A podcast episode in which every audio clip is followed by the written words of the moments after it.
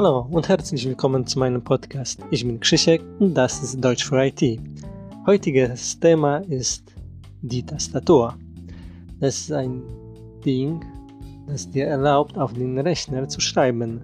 Auf Polnisch ist es Klaviatur. Ich denke, dass es ein wichtiges Thema ist, weil die deutsche Tastatur ist ganz an, äh, es hat ein ganz anderes Layout und manche Tasten, also Klavische, äh, haben auf Deutsch andere Namen. Zum Beispiel Leerzeichen, ganz oft benutzte Taste, aber für mich, als ich es das erste Mal gehört habe, war es nicht so offensichtlich, was gemeint ist. Aber jetzt willst du auch wissen, dass Leerzeichen bedeutet Spatia. Die direkte Übersetzung ist Pusteznak. Eine andere oft benutzte Taste ist Steuerung. Manchmal kannst du hören, drück Steuerung V oder Steuerung C. Übrigens ist das eine wichtige Tastaturkürzel. Also Steuerung bedeutet Control und äh, Tastaturkürzel auf Polnisch ist Skrót. Es gibt noch eine andere Taste, die auch häufig benutzt ist. Entfernen. Wer Deutsch nicht kennt, kann Probleme haben mit raten, was es ist. Auf Englisch klingt das Wort ganz anders und auf der Tastatur ist es mit einer Abkürzung bezeichnet. Entf. Äh, diese Taste benutzt man zum Löschen, zum Beispiel ein Zeichen im Texteditor oder eine Datei von, von Laufwerk. Äh, wir kennen es als Delete. Nächst äh, ist die Umschalttaste.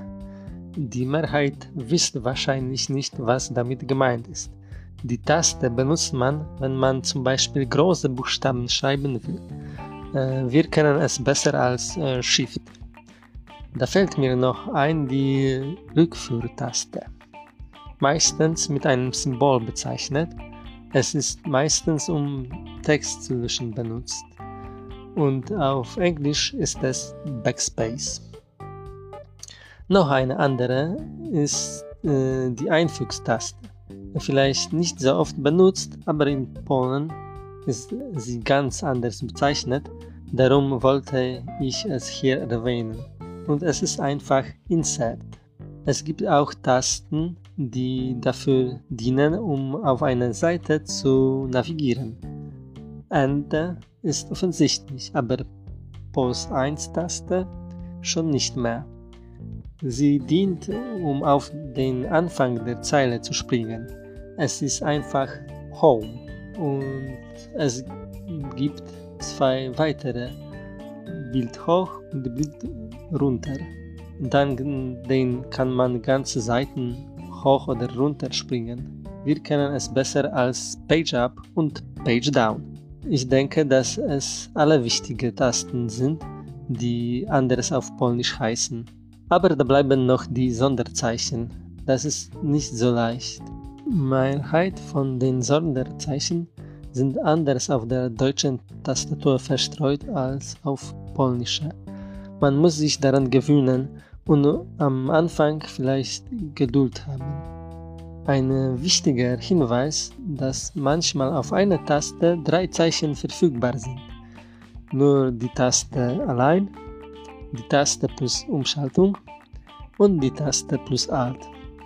Und jetzt der Wortschatz für heute. Die Tastatur Klaviatura, die Taste Klavisch, das Leerzeichen Spatia, die Steuerung Control der äh, Tastaturkürzel, Skrót klawiszowy, entfernen Delete, die Umschalttaste Shift, die Einfügetaste Insert, die Rückführtaste Backspace, Bild hoch, Page up, Bild runter, Page down, Post 1, Home, Ende, End.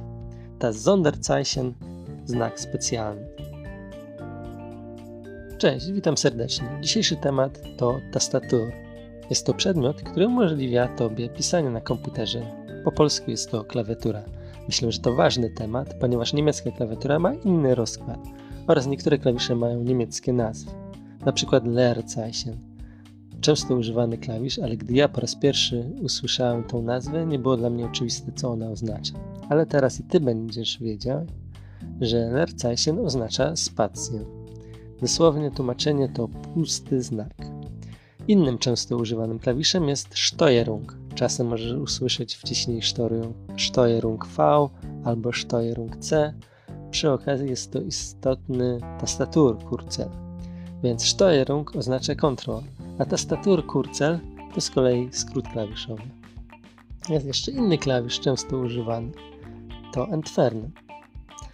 Kto nie zna niemieckiego może mieć problemy z odgadnięciem co to jest. Po angielsku słowo to brzmi zupełnie inaczej i na klawiaturze jest oznaczone skrótem, skrótem ENTF. Tego klawisza używa się do usuwania np. znaków w edytorze tekstu albo pliku z dysku. My znamy go jako delete. Następny jest Umschalt-Taste. Większość zapewne nie wie co to oznacza. Tego klawisza używa się, gdy przykład chce się napisać dużą literę.